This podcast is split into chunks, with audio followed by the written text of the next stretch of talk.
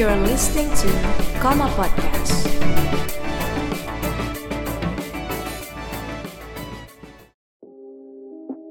Oke teman-teman semua, selamat datang di acara Koma Podcast. Jadi ini adalah podcastnya Komap UGM ya. Jadi Kops Mahasiswa Politik Universitas Gajah Mada. Oke, pada sesi kali ini kita punya nama kegiatan dong pastinya. Ya, namanya adalah Podcast on Art. Itu biasanya kita singkat eh, kalau di sini sih tulisannya Podchart ya. Jadi ya Podchart gitu kan makanya gitu kan. Terus ah pada sesi kali ini teman-teman kita kedatangan tamu spesial banget yang pasti lebih daripada biasanya ya. Ya, eh, kita kayak langsung panggil aja sih bintang tamu kita pada sore hari ini. Ada Mas Farid Stevi. Ada suara Iya. Spektator Mas. Halo mas, Iya, halo Mas Farid. sehat semuanya. Alhamdulillah sehat. Mas Farid gimana? Kabar? Sehat, sehat, Sehat ya. Alhamdulillah puji Tuhan, sehat semuanya. Masih bertahan lah ya sampai sekarang. Masih bertahan. Oke mas. Eh, Yap. Jadi kita pada hari ini tuh mau ngomongin tentang ini mas, sosial tapi juga politik. Sesuai Wah, gitu. ya, ya, Komap ya. UGM kan kita itu ada di Fakultas Ilmu Sosial dan Ilmu Politik. Hmm. Jadi kita sekarang pada hari ini ngomongin sosial dan politik. Ya. Nah, eh, gini ya, denger-denger itu Mas Farid itu kan identik dengan kata sirin Hmm. dan 65. Oke. apa itu mas kenapa gitu ya kenapa gitu saya Ayo, ya, ya. Eh, nam- nama asli saya Farid Stevi Asta. Dalam dalam KTP itu Farid Stevi Asta. Farid Stevi itu nama nama saya, Asta itu nama bapak yang kemudian disematkan dalam nama itu. Lalu sekitar tiga tahun yang lalu saya me- menanggalkan nama bapak sebentar gitu, lalu menggantinya dengan nama Sirin. Nah, nama Sirin itu Sirin itu nama kakek saya yang kebetulan hilang di tahun 65. Nah, itu, itu kenapa kemudian Sirin dan 65 eh, mungkin teman-teman sekarang apa ya eh, tahu bahwa itu kusematkan, Iya. kusematkan di nama Faris Tevi. Gitu. Iya. Nah, tentang 65-nya tentu saja juga ada kaitannya sama 65 yang itu. Itu ya, Mas. oh iya jadi ada energinya mas ya nama itu memiliki Iya energi lah, gitu ya iya, iya. oke oke oke itu tapi juga nggak ngerti mas ya maksudnya ceritanya seperti apa itu nggak tahu ya maksudnya tiba-tiba hilang gitu ya atau ada cerita cerita Hmm. Eh, saya saya paham paham konteks eh, Sirin dan 65 itu sekitar 10 tahun yang lalu kira-kira 10 tahun yang 10 tahun lebih mungkin ya. Pas masih kuliah waktu itu. Saya kuliah di kampus ISI Jogja. Waktu itu sebelum lulus eh, ada pembicaraan keluarga saya dan bapak tentang sosok Sirin yang hilang. Eh, walaupun sebelumnya ada saya sempat me- me- melontarkan beberapa pertanyaan tentang sosok ini gitu di keluarga tetapi tidak pernah mendapatkan jawabannya lalu pa- pas waktu kuliah itu kemudian mulai terbuka oh ternyata Sirin hilang di 65 kemudian eh, punya relasi dengan isu eh, Indonesia 1965 gitu. silang sengkarut politik hari itu gitu. nah mulai dari situ kemudian eh, proses apa ya investigasi mungkin Iya. atau pencarian data terus segala macam yang yang kami kami perlukan untuk me- me- me- menggali kembali ya mengga- menggali kembali gitu cerita tentang beliau. Kami lakukan intensif setelah itu gitu. Nah baru belakangan sekitar setahun dua tahun terakhir kemudian eh, cerita lengkapnya walaupun belum lengkap lengkap lengkap amat tapi kemudian eh, kami sudah mulai mendapatkan cerita lebih lengkap. Gitu Berarti memang dulu sempat nggak ada jawaban itu karena mungkin ya Hmm, betul kita tahu lah betul itu isu yang kita sangat tahu kan ya, sensitif kita tahu ya tahu lah ya tahu kenapa kan tahu kan gitu. itu isu sensitif eh, Sensitif sekali, betul. yang yang sampai sekarang mungkin masih betul betul betul betul masih susah untuk dibicarakan banyak orang ya Benar. Ya. benar. Oke, oke. Jadi gini Mas, jadi tuh teman-teman Komak UGM ini penasaran gitu loh Mas Ya. sama Mas Farid ini. Karena kan eh, sekarang kan kita tahu lah ya, kita semua kondisi kita sekarang baru ada di pandemi yang tidak kunjung usai gitu kan. Kita nggak tahu saya kapan. Kita juga sebagai selaku pelaku event ya Mas ya, gitu Yap, kan. Yap. susahan sekali ya, apalagi sempat kemarin juga ada kabar bahwa eh, pelaku event itu pemasukan selama kurang lebih satu tahun itu nol. Itu beneran itu. Betul. itu betul. Tidak tidak tidak mengada-ngada gitu nah, nah ini kita kenapa Mas Farid gitu kan jadi ada ada motivasinya Mas. Mas Farid ini dianggap sebagai tokoh yang apa ya saya memiliki kestabilan ekonomi. Bukan bukan bukan kestabilan ekonomi tapi gimana Mas ya? Lebih ke Mas Farid itu tetap bisa bertahan gitu. Yap. itu gimana gitu? Kok kok bisa gitu? Maksudnya dengan kondisi yang seperti ini dengan profesi Mas Farid sebagai selaku pelaku seni gitu kan yang melihat seni dan tapi tetap bisa bertahan.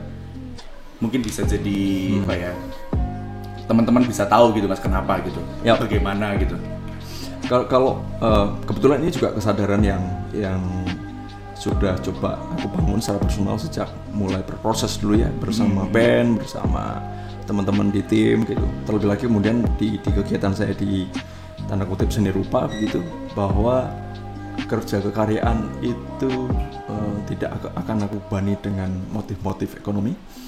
Eh, artinya pun bahwa ternyata eh, bermain musik, kerja event, kemudian seni rupa itu juga menghasilkan nilai ekonomi, tetapi kehidupan saya itu tidak saya tumbuhkan di situ. Karena eh, saya sadar ketika misalnya nih ke- ketika kemudian saya motivasi main band adalah nyari duit atau motivasi berkarya merupa itu nyari duit yang menurutku itu sudah sejak dalam konsep berpikir itu sudah melukai melukai praktek gitu.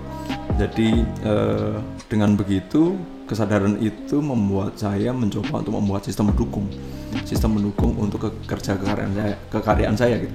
Misalnya eh, kerja merchandising, misalnya kemudian Lipscoot itu ya, Mas, ya? ada ya ada lipscoot, ada banyak banyak Banyak banyak, ya, macam. banyak, banyak macam. Terus kemudian ada juga bisnis-bisnis uh, pendukung ya, pendukung untuk untuk mendukung keberlangsungan kerja seni saya gitu. Nah di masa pandemi tentu saja semuanya ter- ter- ter- ter- terpengaruhi, Betul. tetapi seenggaknya kemudian tetap ada exit plan untuk tetap bisa survive gitu. Ya walaupun selama satu setengah tahun tidak ben-benan. ya ya ya gak ada ibadah gitu. betul gitu terus eh, pameran seni rupa juga tidak banyak terjadi ya tapi ya masih bisa lah masih bisa dan dan sekali lagi itu kesadaran yang yang eh, aku coba bangun sejak sejak dulu gitu ya Oke. supaya di kondisi-kondisi yang sulit itu hmm, Tetap bisa nggak- ya, bertahan, Mas, tetap ya. bisa bertahan Iya betul. Iya sih mas, memang apa ya terkadang tuh kita juga nggak bisa wala- walaupun ada pekerja kantoran itu terkadang kita nggak bisa me- mengandalkan satu sumber aja gitu. Hmm. betul Betul. Saya juga terkena dampak. Ya kita Ya, semua ya, ya. terkena dampak sih. Kasian banget. Oke mas Farid. Oke jadi sama ini mas, Hmm. gimana ya maksudnya Mas Farid ini kan seniman ya. Maksudnya Hmm. lebih. Kalau saya tuh melihat Mas Farid itu lebih Mas Farid itu seniman, Oke. lebih banyak karya karyanya di seni rupa terus juga vokalis Hmm. dari festivalis gitu kan dan lain sebagainya. Tapi kenapa bisa ada terus dikaitkan Farid Stevi itu juga aktivis sosial? Itu kaitannya apa? Kenapa bisa Nah. gitu? Kenapa bisa dan awalnya itu kayak gimana gitu mas? nah itu dia tuh Itu dia tuh ya. saya nggak eh, bahkan kemudian saya nggak pernah memproklamasikan eh, bahwa saya seniman. Oh, betul, Mas, betul. Karena Maksudnya- itu itu kan apa ya? Orang-orang ya. per- persepsi orang lain. Ya, Dan saya terima kasih atas itu. Oke. Eh, termasuk juga bagaimana teman-teman merelasikan eh, kerja-kerja karya saya dengan eh, isu aktivisme sosial misalnya gitu. Hmm.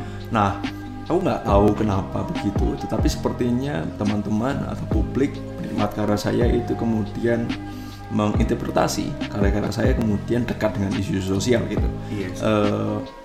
Apakah kemudian itu menjadi hal yang tidak saya sengaja? Saya pikir juga saya nggak nggak nggak apa ya nggak bijak kalau saya bilang itu nggak Iya, sengaja ya. betul. Karena memang em, ada ketertarikan saya di di eh, isu-isu tersebut gitu, merespon isu-isu tersebut gitu. Nah, karena karena perjalanan karya saya ya sudah lumayan panjang karena mungkin bermusik sejak saya punya album pertama tahun 2009 Iya. Ini 2021 sudah hampir satu dekade bermusik Iya. lebih bahkan gitu dan karya-karyanya kemudian memuat memuat teks saya memuat eh, apa ya pandangan saya pada pada berbagai isu Iya. terus kemudian juga ber- berkarya seni rupa juga sudah sudah cukup panjang dan karya-karya saya juga memuat hal-hal itu jadi jadi agak mahfum ketika misalnya teman-teman kemudian oh Paris Devi eh, dekat dengan respon terhadap isu sosial aku pikir begitu ya kenapa kemudian hari ini aku dianggap dekat dengan dengan kekaryaan yang yang seperti itu. Oke. Berarti memang apa ya Mas? Berarti eh, memang ada ketertarikan di situ kan. Jadi mm-mm. bagaimana cara Mas Farid merespon isu sekitar Yap. peka gitu lebih Yap. lebih kalau saya melihatnya lebih ke Mas Farid ini berarti lebih peka terhadap sekitar gitu kan iya iya iya iya oke oke oke Mas Farid Nah, terus gini Mas ini kita lanjut ke pertanyaan nomor tiga ya Oke. Oke, lanjut pertanyaan nomor tiga ya. Jadi, eh, bagaimana kepedulian kepada isu-isu sosial ini kemudian berjalan seiring dengan aktivitasnya Mas Farid sebagai seniman gitu. Jadi, hubungannya gitu kan. Jadi, apakah ini sebagai aspek pendukung dan dan dan dan lain-lain gitu kan? Gimana gitu Mas Farid? Oke, eh, dimulai dari sini dulu mungkin ya. Iya. Tu- tugas tugas dari perupa, taruhlah namanya seniman ya. Tugas dari seniman kan menurutku yang paling utama adalah me- merekam zaman ya, merekam ap- zaman yang terjadi di masa di masa si seniman itu hidup. Dengan begitu kemudian di zamanku hidup itu terjadi apa saja sih? Gitu. Oke. Nah, kan banyak banget nih yang terjadi bukan hanya di isu sosial gitu. Uh, ada banyak isu lain yang kemudian bisa direspon. Nah, kenapa kemudian isu sosial ini menjadi hal yang menarik buat saya? Uh, ya awalnya tentu saja ini saya tidak punya motivasi yang uh, utuh ya. Ya saya pernah lebih muda dari hari ini. Saya mungkin juga pernah lebih muda da- di antara kalian ketika Iya. berkarya. Terus uh, apa ya? eh, sepertinya keren nih merespon isu sosial sepertinya eh, men- menjadi eh, apa ya eh, sepertinya eh, bersama-sama teman-teman yang lain eh, melakukan kerja-kerja tanda kutip aktivisme itu jadi hal eh, hal yang menarik, Menarik, untuk betul. eh, untuk membangun jati diri gitu kan. Iya, iya. Eh, saya pun mengalami itu gitu artinya Betul, betul, betul. pertemuan saya dengan isu-isu sosial yang kemudian saya garap terus menerus itu juga tidak serta merta kemudian saya adalah Waris Tevi yang punya concern pada isu A, B, C, enggak gitu juga gitu. Ya ada tren, ada ada kecenderungan kecenderungan zaman juga. Nah semakin ke sini eh, mengingat tugas tadi ya tugas tugas saya sebagai seniman kemudian me- me- merekam zaman dan me- mempresentasikannya pada publik eh, yang membutuhkan. Nah, itu yang yang menurut saya kemudian menjadi alat jahit yang yang pas gitu ya. Karena ya setiap saat saya kemudian harus merespon apa yang terjadi di zaman ini. Oh iya. Nah, kebetulan apa yang saya respon ada, eh, biasanya kemudian dekat dengan Dengan- kejadian-kejadian yang yang yang yang dianggap kemudian menjadi isu yang cukup harus direspons gitu. Oke. Nah itu yang eh, sampai sekarang aku jalani gitu Iya, kan. iya. Aku pikir eh, ini tidak akan selesai kan. Iya, betul. Kalau menilik ke apa sih definisi aktivisme itu kan Perjuangan tidak akan pernah usai gitu, Mas. Ya. Panjang umur upaya-upaya baik gitu. Woi, iya sih. Oke, Artinya kan upaya-upaya baik yang harus dilakukan untuk merubah kehidupan masyarakat menjadi yang lebih baik kan. Betul. Nah, entah kontribusi saya dengan seni saya seperti apa, tetapi enggak eh, saya berusaha untuk kemudian di bermain juga atau atau atau membuat kontribusi sederhana untuk untuk hal itu. setidaknya ya kita hidup itu memang harus berguna mas ya Iyalah, ya ya ya. Buat apa kalau kalau hidup tidak berguna kan ya mas ya? Betul.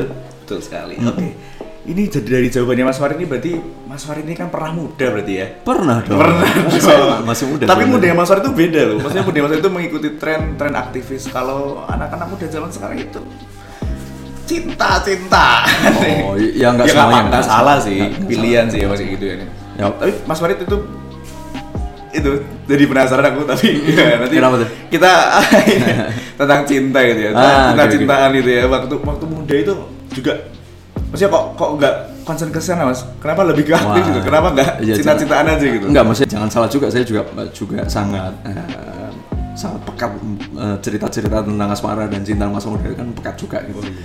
Dan juga saya tidak menyatakan diri bahwa saya dekat dengan dunia aktivisme ya, enggak Iya, gitu. iya, iya. Tapi tentang bagaimana kemudian saya menjadi tertarik pada isu sosial itu kan Oke. ya ada teman-teman yang eh, misalnya waktu itu kemudian saya masuk kuliah tahun 2000 tahun 2000 itu di Jogja kan Isunya apa ya? isunya kan sedang hangat lagi pasca 98 tuh Hmm. jadi Oh, iya. eh, apa ya residu perjuangan bukan residu ya residu itu kesan negatif tapi gestur-gestur sisa perjuangan 98 itu nafasnya kan masih ada Iya. dan aku bisa akses tuh walaupun tidak mengalami gitu dan mau nggak mau kan itu kemudian meng- eh, menggiring menggiring atau memberikan referensi pada cara berpikir gitu Iya, iya. iya. Nah, eh, saya sih waktu 98 itu masih di Gunung Kidul, saya masih belum Wonosari. masih di Wonosari.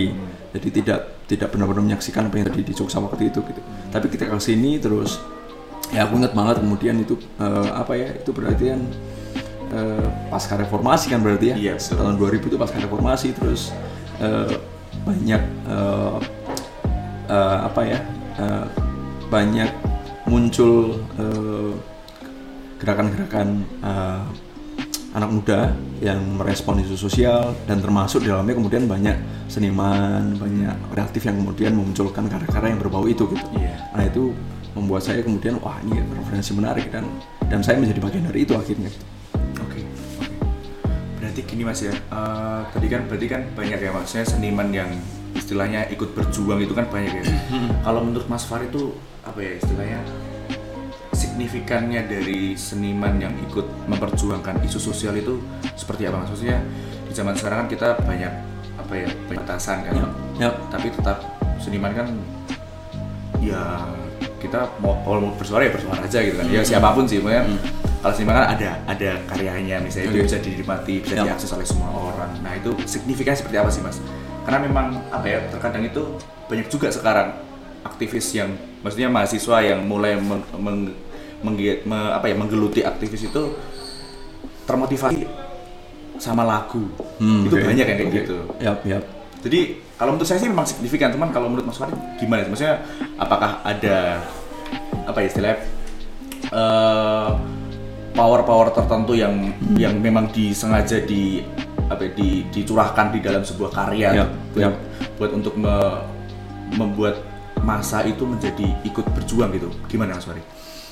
Ya mungkin salah satu ekspertisnya seniman, uh, seniman adalah mengolah uh, mengolah hal-hal yang dingin dan kaku menjadi lembut, menjadi hangat, menjadi uh, punya rasa begitu ya. Iya. Itu itu yang mungkin uh, peran serta para seniman dan orang kreatif dalam kegiatan kerja-kerja aktivisme sosial itu menjadi penting gitu.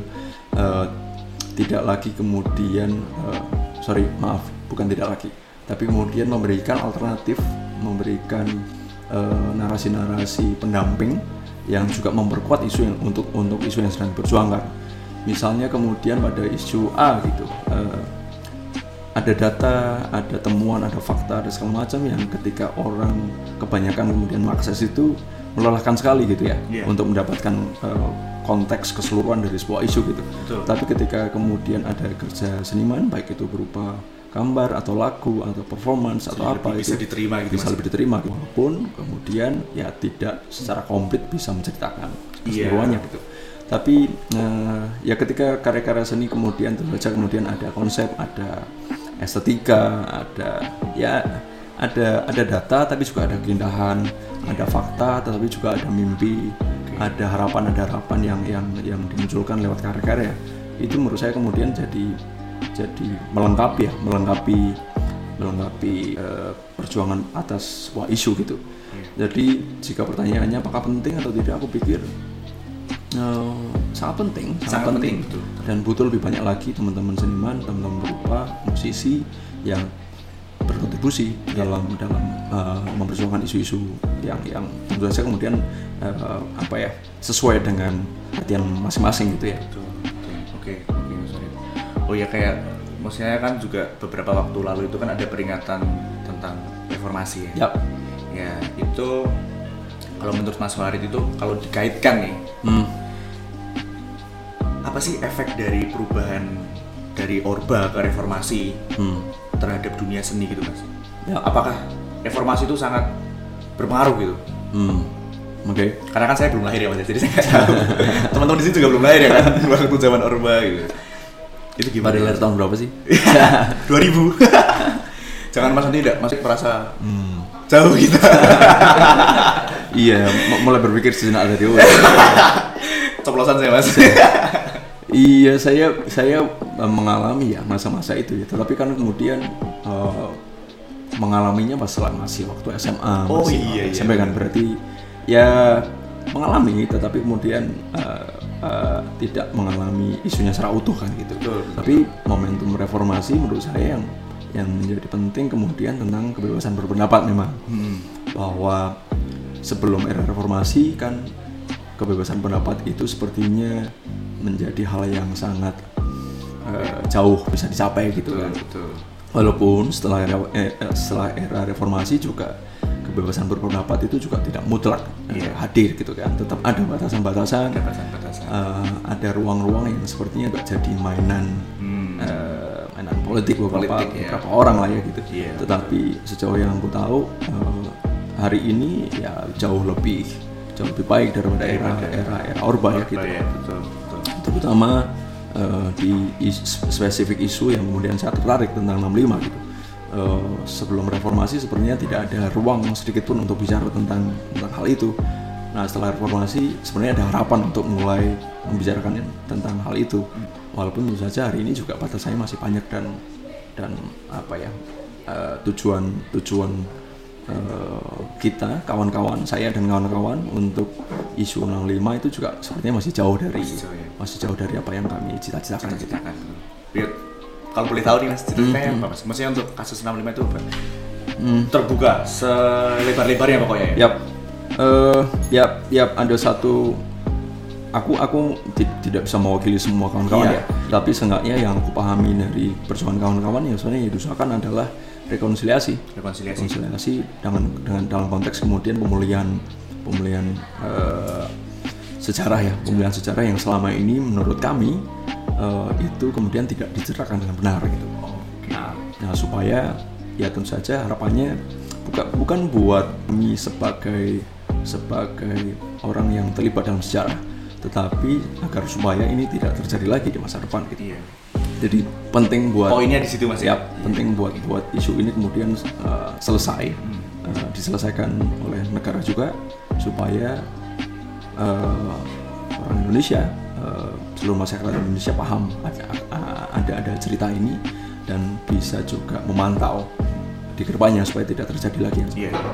Iya mas. Saya walaupun saya tidak merasakan Orba dan 65 itu ya, tapi saya juga tidak ingin merasakan. Ya, ya, walaupun sebenarnya juga saya juga nggak tahu sejarah yang saya baca itu, ya, ya kayak Oh. gitu kan, saya gitu kan. Ya kan pemenang lah yang membuat sejarah. Ya. Seperti itu. walaupun kami tidak merasa kami kalah Kalah ya, tapi di mana-mana ya, Ya. yang berkuasa, ya, ya yang, yang punya akses Ya, lah. narator sebelah lah Narator sebelah lah, iya betul. Oke Mas Farid, jadi kalau misalnya dikaitin dengan kasus-kasus sekarang gitu Mas, Yuk.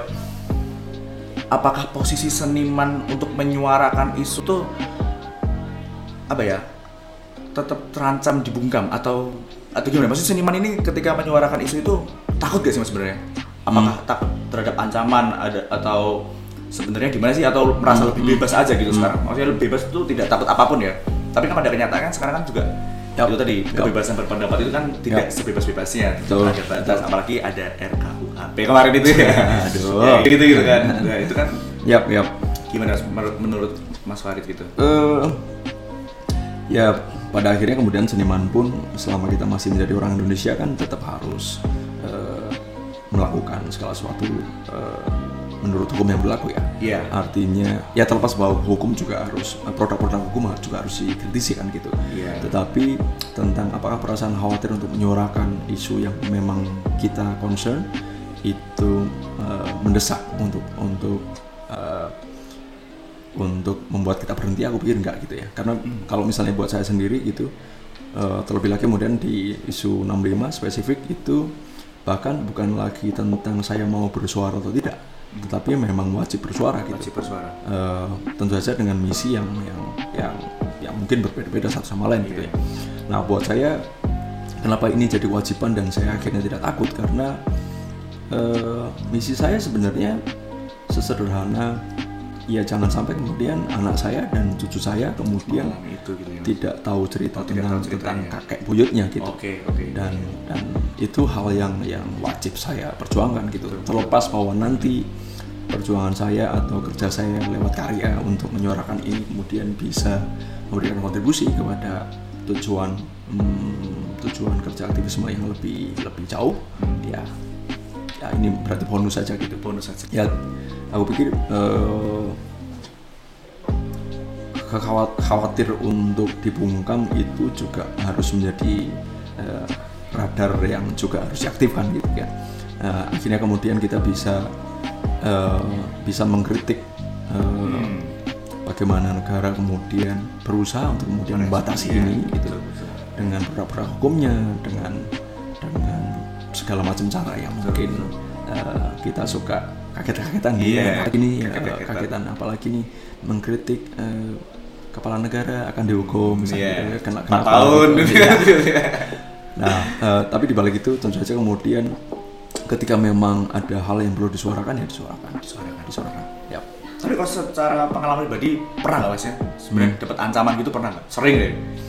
Saya justru eh, malah tidak sering mendapati itu. Saya justru yang sering itu kemudian dianggap tidak berkontribusi kepada eh, kerja-kerja aktivisme di di lingkungan kita lah misalnya.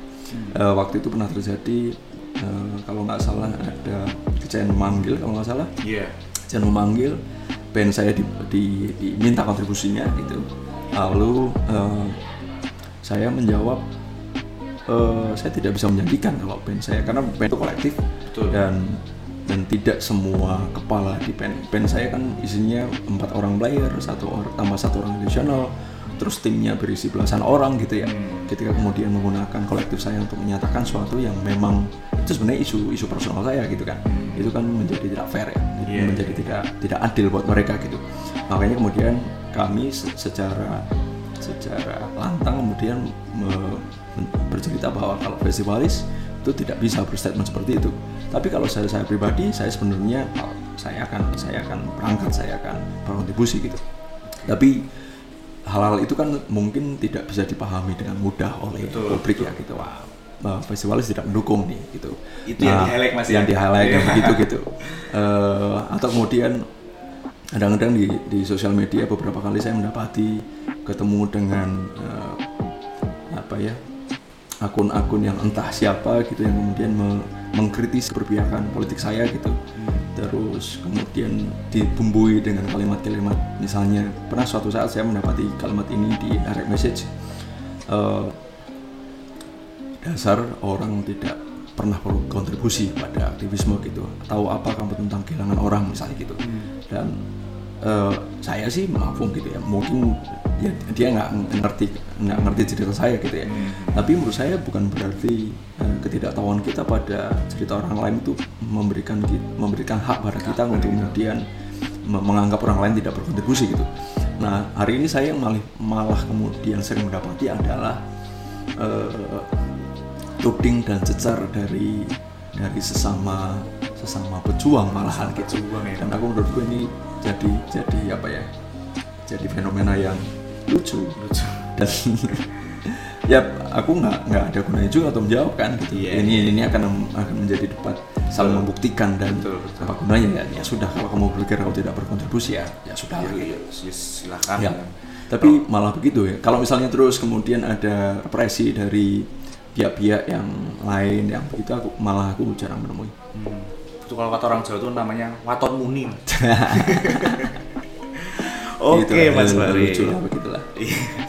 Ini banyak mas ya ceritanya Mas Farid itu ya. Iya. Sebenarnya kalau kita terus ini kita bisa sampai Nah, ayo. 24 SKS kayaknya ini pelajaran dari Mas Farid ini bener-bener. Itu membuat hati saya semakin. Tapi jujur mas dari lubuk hati saya dalam itu memang ada pasti ada sejarah yang tidak saya ketahui. Ya. Dan saya saya sangat menunggu Hmm. hasilnya nanti Mas Farid. Bener saya akan tunggu pokoknya Siap. tentang 65 ini. Oke, saya akan presentasi 65 cerita 65 saya, terutama cerita tentang kakek. Itu akan ada di Arcok tahun ini, tahun 2021 akan di akan akan diadakan di Jogja National Museum. Oke. Dibuka tanggal 8 Juli 8 2021. Juli.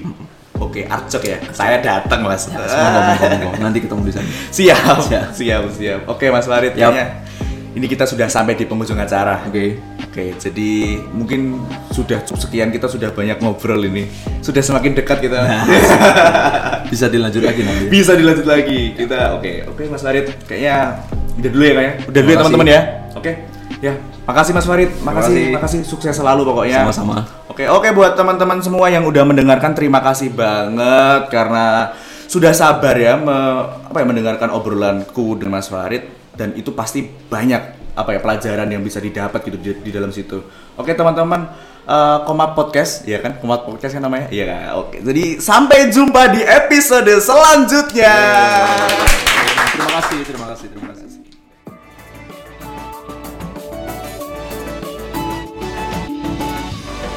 Jangan lupa untuk mendengarkan Koma Podcast di media streaming lainnya.